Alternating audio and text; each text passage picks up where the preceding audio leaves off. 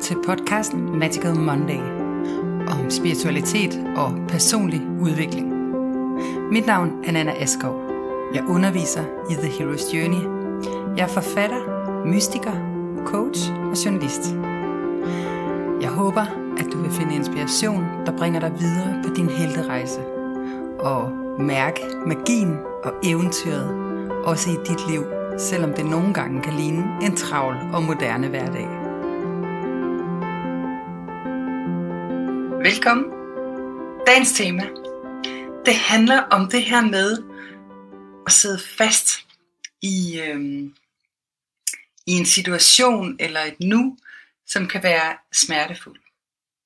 Det kan være en arbejdssituation, det kan være en økonomisk situation, det kan være en fysisk, altså det kan være øh, noget omkring sygdom, eller det kan være noget omkring noget kronisk.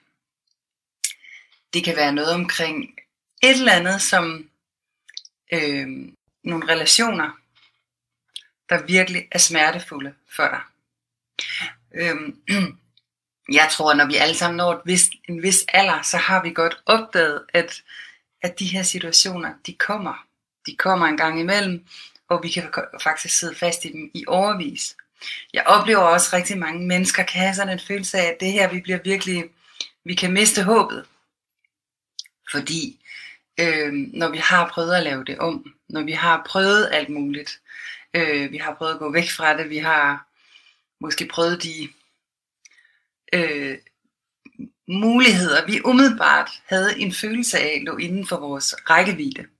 Når vi ligesom er der, og jeg stadigvæk sidder fast i den her smertefulde relation, eller arbejdssituation, eller i min krop. Hvorfor skal jeg så det? Jeg ved også, at der er rigtig mange af os, når vi har arbejdet med os selv i mange år, har kigget indad og været modige og virkelig taget nogle svære, nogle svære erkendelser ind, øhm, måske hos en terapeut eller en psykolog, eller der har ligesom sådan været nogle, nogle af, den der, af den der følelse af, at jeg faktisk har forsøgt at hele noget øh, af det, der var på spil i mig. Hvorfor sidder jeg så stadig fast i den her smertefulde situation i mit liv? Øhm, hvorfor bliver jeg ved med at være her? et spørgsmål, mange af os også begynder at stille sådan, jo ældre vi bliver der. Hvorfor har jeg placeret mig selv i denne her situation? Hvad er funktionen med at skal være i noget, som føles trangt, eller smertefuldt, eller klaustrofobisk, eller giver en følelse af afmagt? Måske kender du nogle af de, de, de her følelser i dit eget liv. Øhm, det første jeg vil sige til dig, det er, at jeg jeg tror ikke, vi er ment til at sidde i smerte. Og vi er heller ikke ment til, at livet skal være smertefuldt hele tiden. Jeg synes, Hero's Journey og alle tiders historiefortællere husker os på, at livet er bygget op af faser.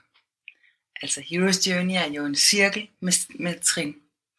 Og hvis du læser et hvilket som helst eventyr eller en fortælling, eller hvis du åbner for Netflix, så vil du så vil du kunne observere, at der altid er et nu, der forandrer sig. Så den relation, eller den mm, arbejdssituation, eller den livssituation, du måtte være i lige nu, den er midlertidig. Også selvom du ikke lige kan se enden på det, eller du måske ikke lige kan se, hvor det fører hen det her så er den midlertidig, og den vil ændre sig. Og der kan ske to ting. Enten også, så ændrer omstændighederne sig. Så ændrer omstændighederne sig, sådan så du ikke mere er i den her smertefulde situation, eller har den her smertefulde oplevelse af dit nu. Eller også, så ændrer du dig. Du flytter dit perspektiv sådan så du heller ikke har den her oplevelse af at være i en smertefuld situation. Nogle gange kan det være rart at huske sig selv på, særligt når vi sidder der helt på bunden af et eller andet, der bare kan føles så forfærdeligt mørkt og dramatisk. Det kan også være sådan en langvarig, smertefuld utilfredshed. Jeg tror især kronikere oplever den her, ikke? fordi det, det er jo smerten ved noget, der føles fuldstændig uendeligt i vores liv. Eller det kan være ja, det der med at have skiftet, arbejdet, skiftet arbejdsplads nogle gange, og, og have den der smerte ved at stå i samme situation. Det, som jeg vil huske dig på nu, det er rigtig vigtigt. For når du er i en smertefuld situation, når du er et eller andet sted hvor, i dit liv, hvor det føles trangt, lidt ubærligt, eller trist, eller det kan også være helt ubærligt, så er der et kald på den anden side. Der er noget i dig, som ved, at det kan være anderledes. Det er det, smerten handler om. Smerten kommer og fortæller dig noget. Dine følelser her fortæller dig noget. Nogle gange så er det ligesom om vi bare accepterer, okay, jeg er i det her, øh, den her økonomiske situation, så derfor så, så er jeg ked af det. Eller jeg er i det her, den her relation, som nu er sådan og sådan, og derfor så er jeg bare ked af det, eller så er jeg sorgfuld. Eller vi, vi accepterer bare følelsen. Men i virkeligheden kunne vi gå endnu tættere på den intelligens, der er i den her følelse hos dig. Og prøv at spørge den, hvorfor er du egentlig ked af det? Og hvad er du? Hvad er det virkelig, der smerter dig? Og hvad er det for et kald, der er bagved? Hvis vi ser på eventyrene og fortællingerne, så kommer kaldet ikke altid bare som sådan en øh, mand fra himlen, altså som i, jeg har fået en idé, og jeg har set lyset, og øh, det er den her vej, vi skal. Det kan godt ske. Det kan sagtens ske, at du som øh, Moses øh, går ud, og der er en brændende busk, og, og du får de hellige tavler, og du ved præcis, hvordan du skal lede dig selv og alle omkring dig. Sådan kan et kald godt komme. Men et kald kan komme på mange andre måder. Og det kan også komme, når nuet føles fortrængt. Når det normet, du er i, smerter dig. Når der, hvor du er lige nu i virkeligheden, giver dig en dyb følelse af utilpasset. Så er der et kald til dig. Du kalder på noget andet. Der er noget i dig, der ved, at det kan være anderledes. Men prøv at gå ned i følelsen. Det er virkelig en invitation til dig her. Fordi det vi tit gør, det er, at vi bare accepterer det. Vi gør det også med andre. Åh, jeg skal skilles. Ej, hvor er det synd for dig. Ja, det er virkelig smertefuldt. Alt er ligesom bare, vi har accepteret det. Og, og, og jeg vil jo selvfølgelig lige starte med at sige, at compassion og medfølelse er en af de vigtigste kilder til healing. Øhm, så, så det at vise medfølelse og omsorg er jo vigtigt, også for os selv, og også for, når du er i den her smertefulde situation. Så husk at give dig selv masser af medfølelse. Det er ikke sådan, at du ikke må have den her følelse af smerte. Men det at have mod til at spørge sig, hvad er det egentlig i virkeligheden, der smerter dig her? Hvad er det, der gør rigtig ondt? i skilsmissesituationen, så kunne det være, at det faktisk mere var tabet af familien, eller det kunne være, en, at det, at en aftale blev brudt, eller det kunne være, øhm, jeg ved ikke, hvordan jeg skal klare mig i mit liv. Smerten kan ligge mange steder. Det er det, der er min pointe. Det kunne også være, at du var blevet fyret fra dit arbejde, eller at du var i et arbejde, som virkelig volder dig meget smerte. Og øhm, det der med at stille sig selv spørgsmålet, men hvorfor mærker jeg egentlig smerte? Altså hvad er det præcis, der smerter mig her? Men det kunne være, at det handlede om, at jeg føler ikke, at chefen hører mig, eller jeg føler mig simpelthen ikke anerkendt for det, jeg laver. Okay? Og hvorfor giver det der smerte, at du ikke føler dig anerkendt? Hvordan smerter det dig? Prøv at gå ned ad vejen. Eller det kunne være den her, Jeg kan ikke finde et arbejde. Det smerter mig. Jeg, jeg er arbejdsløs. Det smerter mig. Okay? Hvorfor? Hvad er det ved at være uden arbejde i en periode, der smerter dig? Det er bare nogle eksempler her. Men der er altid, altid et kald om bag ved smerten. Og man kan sige helt grundlæggende, så er det sådan her, at din sjæl har jo et formål, og det er at, at deltage i den her kollektive evolution af healing. Det er det, vi gør. Vi er, vi, vi udvikler os. Vi udvikler os igennem livet, og vi kan udvikle os gennem smerte, vi kan udvikle os igennem drama, vi kan udvikle os igennem glæde, og vi kan udvikle os igennem bliss. Og noget af det, jeg synes, vi lidt har glemt i vores tid, det er, at bliss, som er det, Joseph Campbell påpegede, som var gatewayen til at lave den hurtigste udvikling, altså den hurtigste transformation i vores liv. Der, hvor vi virkelig kan indlære rigtig hurtigt, der, hvor vi kan se nye muligheder, der, hvor vi bliver meget modige, og der, hvor vi bliver rigtig, rigtig skarpe på at mærke intuitionens stemme, det er faktisk, når vi er på den frekvens af bliss.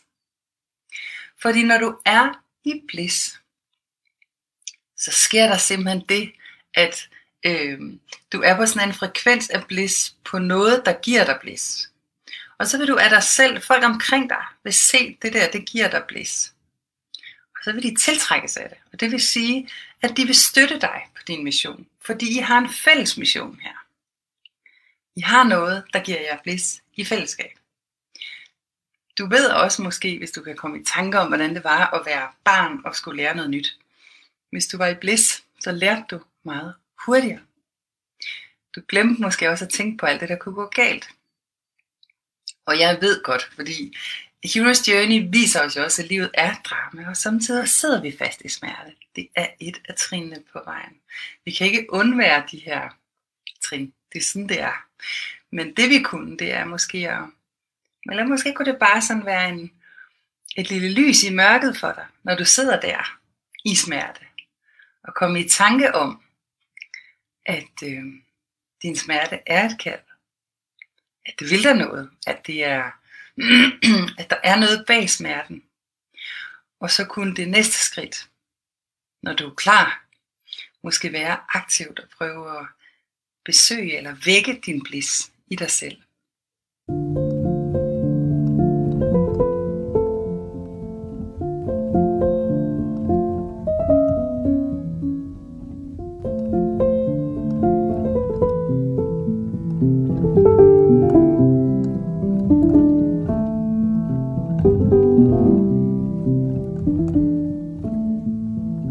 Gør det tit, når, når jeg har klienter, der kommer, hvor de er, de kan tit være i en meget dyb krise. Det er vi jo tit, når vi beder om hjælp.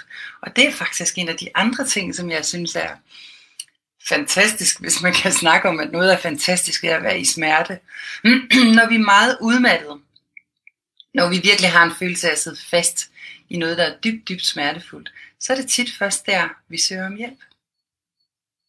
Det, det er tit først der, at vi, øh, at vi overhovedet rækker ud. Det er også tit der, vi åbner muligheden for at transcendere. Men det vi så kan gøre, det er netop at gå for opdagelse i, hvor bor den her smerte henne virkeligt. Altså ikke bare acceptere den eller tage den for gode varer, som at det er hele situationen. Men, men hvad er det præcist i situationen? Vi kan nærmest sådan ligesom en kirurg at dissekere det ned. Hvad er det præcist, der smerter dig? Og hvad er det for et kald, der ligger bagved? Var det nu manglen på anerkendelse fra chefen, der virkelig, virkelig smertede dig, for eksempel? Det kunne også være mangel på anerkendelse fra din partner, eller fra nogle andre, som står der nær. Så prøv at gå på opdagelse i, hvor vigtig er anerkendelse egentlig for dig? Og hvorfor er anerkendelse vigtig? Og hvorfor er anerkendelse så vigtig, at du faktisk går i smerte, hvis du ikke bliver anerkendt? Det er nemlig sådan, at traumer, de bliver til værdier. Så nogle gange, når vi går tilbage, det er sådan ligesom kroppen, der har besluttet, at det her, vi laver sådan nogle pakter, når vi får de her lidt traumatiske oplevelser. Jeg plejer at være sådan lidt forsigtig med at bruge ordet traume, fordi vi har alle traumer, men man kunne kalde det sammentrækninger. Der, hvor vi har været blevet afvist, eller vi har mærket smerte første gang i vores liv. Så, øhm, så indgår vi en pagt, der hedder, jeg aldrig, aldrig mere skal udsættes for den type smerte. Og derfor så vil jeg altid reagere med sådan nogle advarselssignaler. Mit nervesystem, det vil simpelthen lave advarselssignaler, hver eneste gang jeg mærker noget, der minder om det her. Men det der også sker i virkeligheden, det er, at jeg indirekte hele tiden vil tiltrække noget, der minder mig om det her, som vil vække min smerte. Fordi jeg hele tiden igen og igen i virkeligheden bliver kaldet til at genbesøge den her pagt med livet, som jeg indgik dengang. Og jeg vil også bare sige, hvis du har det godt, hvis du ikke er smerte, hvis du kan mærke, at du har et kald, og du er glad, og det kører, så er der ikke nogen grund til at opsøge det her. Altså det det, Joseph Campbell han vil sige. Hvis du lever et godt liv, så bliv ved. Der er ikke nogen grund til at... Det er også det, Hero's Journey lærer os. Smerterne skal nok komme. Dramaet skal nok komme. Læringerne skal nok komme. Men vi kan transcendere på forskellige måder. Og en af de måder, vi transcenderer på, det er smerte. Men det er klart, vi kan tage invitationen.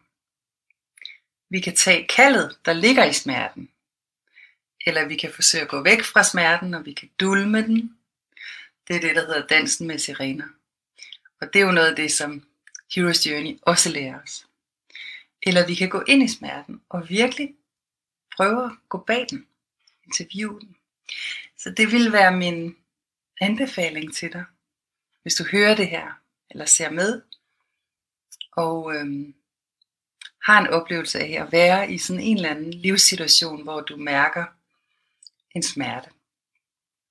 Eller dit nu på en eller anden måde er der, volder dig sorg eller afmagt. Og det næste jeg vil sige til dig, det er, at det skal aldrig nogensinde føle dig alene med det, fordi det er, det er universelt. Marie skriver, jeg har haft kroniske smerter efter et uheld for 10 år siden. Har stadig ikke fundet meningen med det, hvilket ellers ville have været en lindring. Ja, det kan jeg virkelig godt forstå, Marie. Og jeg tror faktisk, det der med, ja, især kronikere, øh, jeg ved også, altså sådan stofskiftepatienter, eller folk, der har de der langvarige sygdomsforløb, det der jo i virkeligheden er fuldstændig afsindig udmattende, det er det langvarige. Den menneskelige psyke kan jo faktisk klare kæmpe store tab og meget drama og øh, voldsomme begivenheder, det, kan vi, det er vi faktisk rustet til i sådan i vores nervesystem. Kortvejt. Men den der langvarige en, det er der, det bliver virkelig, virkelig tungt og smertefuldt at være i og være med.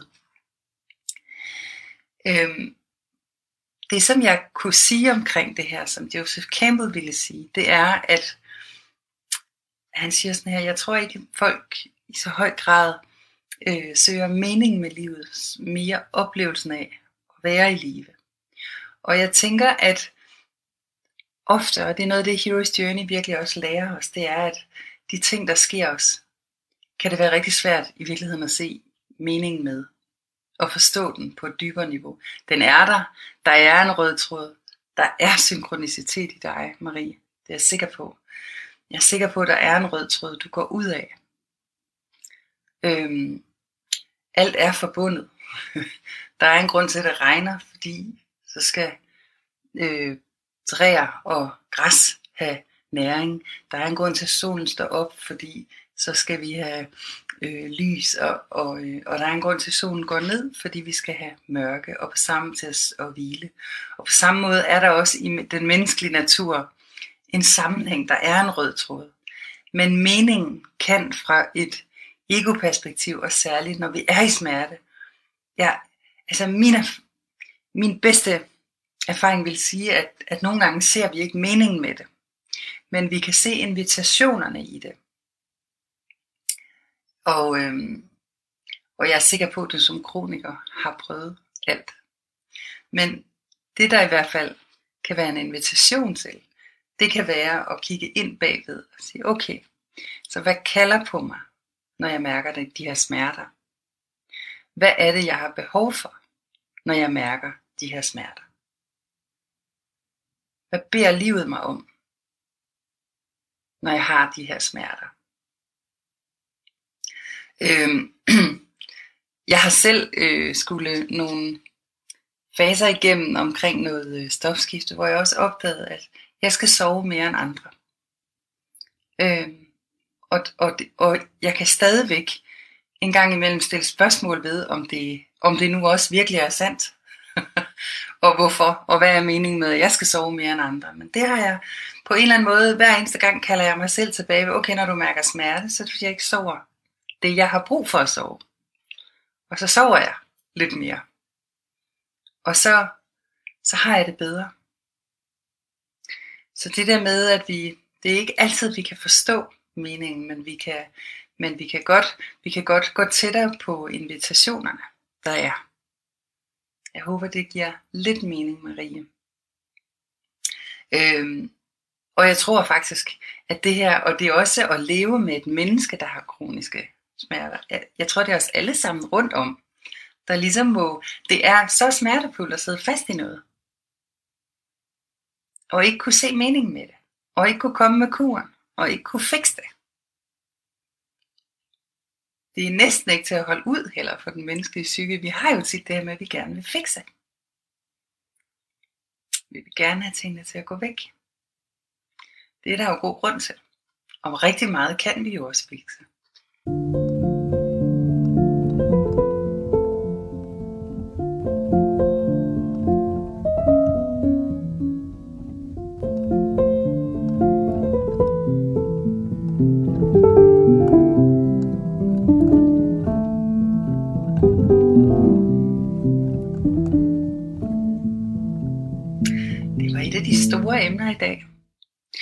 Sådan et af de emner, der ligger nede i bunden af cirklen.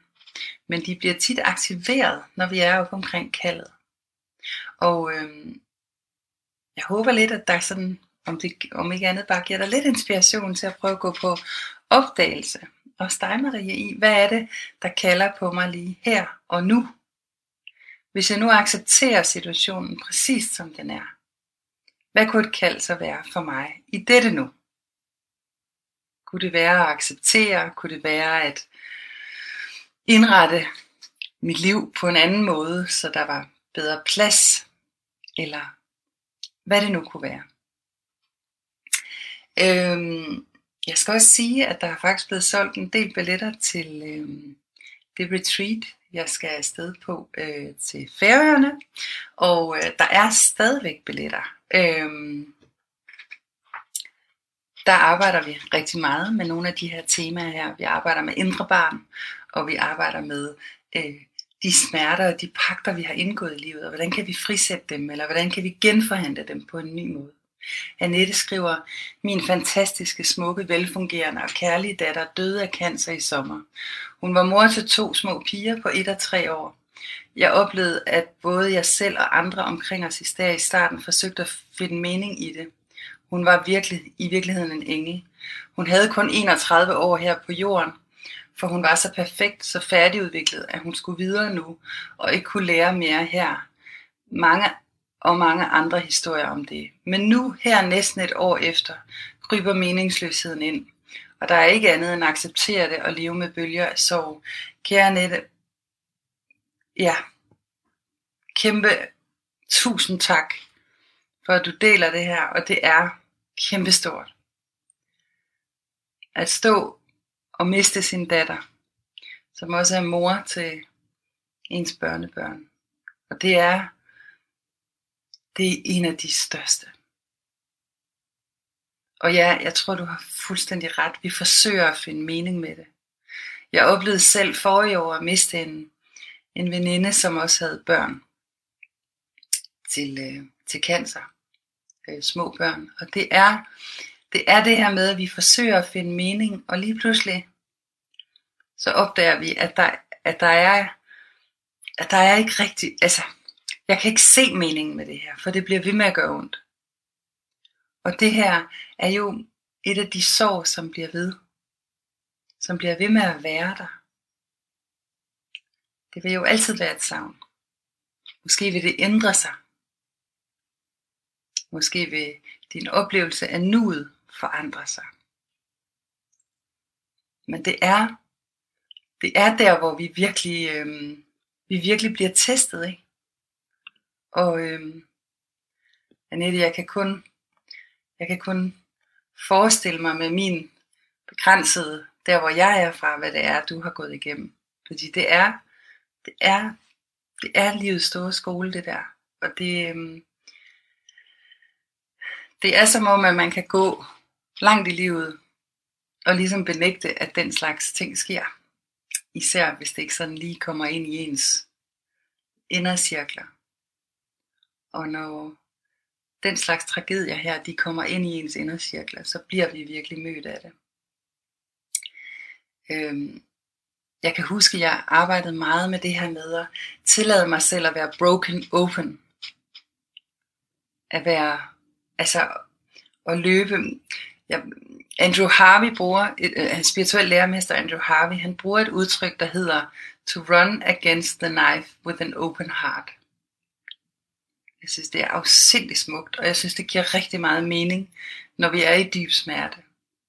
At løbe mod kniven med et åbent hjerte. At, at acceptere, altså at rumme den fulde, den fulde smerte. At menneskets fulde oplevelse af meningsløshed. Og også rumme det, og sige så, hvad er invitationen til mig her, når jeg bare står her nøgen og, med, og er broken open. Men man kan også sige, når vi står her, at det at være broken open, det kræver så meget mod og kærlighed. Og det er også det, der gør os til fyrtårn for andre, der oplever det. Annette, jeg håber også, at der står nogle fyrtårn og lyser kærligt rundt om dig. I de her år. Ja. Tusind tak for at dele. Og det er, det er, smerte er sårbar. Det, det er sårbart. Og det er de dybe ting. Annette skriver, ja, det er et smukt udtryk, som jeg virkelig kan genkende. Jeg oplever også en masse gaver i processen. Ja. Ja. Og de er der. Der er invitationer til os hele tiden. Selv når det sker, jeg tænker, at det du har oplevet, det er jo det, en hver mor frygter. Og, og det har du oplevet. At være broken open. Og der er jo ikke så meget familie at sige omkring det, men der er en, en hel masse invitationer. Og der er en hel masse kærlighed også i den proces det var også noget af det, jeg op, har oplevet. Jeg har ja, gået med tre med cancer de sidste par år på nærmeste hold, og haft sådan cancer helt inde på mit liv. Øhm, så det har været daglige samtaler. Så det, og det er, det er det der med, er der nogen mening med det her? Og, og bedst som man tror, nu kan jeg ikke klare mere, så, så kommer der mere. Så det at, at virkelig overgive sig til at være broken open, det er en invitation. Og, og også gå endnu tættere på at sige, så hvad er det, der smerter mig allermest lige nu? Og hvad kalder det på i mit liv? Kalder det på mere selvomsorg? Kalder det på kalder det på nogle valg, jeg skal træffe, som støtter mig bedre. Kalder det på nogle erkendelser. Kalder det på at give plads til sorg. Det kan være meget forskelligt. Men i virkeligheden, så tror jeg, det er det at være med det i tillid til. I tillid til, at livet giver faser, og at det bevæger sig, og at nu giver et nyt nu, som giver et nyt nu. At vi er, at livet er delt op i faser. Og Annette, din følelse vil også forandre sig. Ligesom du sagde, at periode, så kunne det føles en form for meningsfuldt. Måske vil der også være perioder, hvor du føler, at du har kontakt med din datter. Og er der jo. Og i perioder kan det være en følelse af, at du ikke har kontakt med hende. At nuet forandrer sig. Og være i dialog med det, og være broken open i det. Tusind tak for at dele, Annette. Det er en stor en, den her, og jeg er sikker på, at der er rigtig mange i gruppen, der deler den her type historier og fortællinger. Jeg kan fortælle dig, at jeg har masser af klienter, der også lige præcis står med nogle af de her ting her. Ja. Ja. Det var det for i dag. Det var heldig tirsdag for i dag. Om et emne, der på mange måder blev meget rørende. Ikke mindst på grund af jer, der skrev ind. Tusind tak. Og øh, jeg glæder mig til at se jer næste tirsdag. Jeg skal også sige, at øh, jeg laver en øh, facilitatoruddannelse, og jeg er faktisk ved at lægge sidste hånd på det. Det er bare fordi, det lige falder sammen med bog, bogfærdiggørelse og sådan noget, så de er sådan lige på trapperne. Fordi jeg ved, der er en masse, der faktisk gerne selv vil lære at bruge Hero's Journey, ikke bare i eget liv, men også øh, til at hjælpe andre som gerne vil bruge, mm, knække koden til, hvordan er det, jeg bruger fortællinger, eventyr, myter og savn som en vej til at facilitere andre menneskers forandringsprocesser. Den uddannelse kommer til at starte i efteråret. Øh, for at kunne gå på uddannelsen, der skal du have taget et helteforløb hos mig og nogle en til en. Der bliver ikke lavet flere øh, mentorforløb. I aften skal jeg mødes med mit heltehold. Glæder jeg mig til. Vi skal tale om enagrammet og den særlige heltekraft, der bor i dig. Og, øh, men du kan godt stadigvæk nå at tage din egen helterejse, så skal du bare gøre det på, der er sådan et online undervisningsforløb, Øhm, og så kan man også øh, tage en til en sessioner af mig undervejs. Det kan samtidig være rart, fordi det gør, at vi kan have svært ved at se os selv udefra. Og rigtig skriver tak for dig, skønne, og tak fordi du var med. Det er altid så dejligt at mærke, at vi fyldes ad på den her rejse. Ha' en fantastisk uge, og øh, hold din smerte tæt ved hjertet. Ja, Gitte skriver, den skal jeg høre igen, så jeg kan fordybe mig mere i smerten og få flere oplysninger. Ja, det bliver en stor en i dag, men jeg havde mærket, at det var det, vi skulle i dag. Øh, den, den var stor i dag. Den var stor. Tak for nu.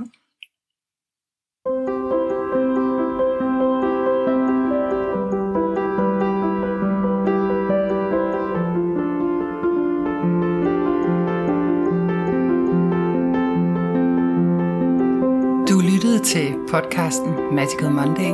Mit navn er Nana Eskov. Du kan læse meget mere på nanaeskov.dk eller tjekke ind i Facebook-gruppen Heroes Journey den er gratis. Vi ses.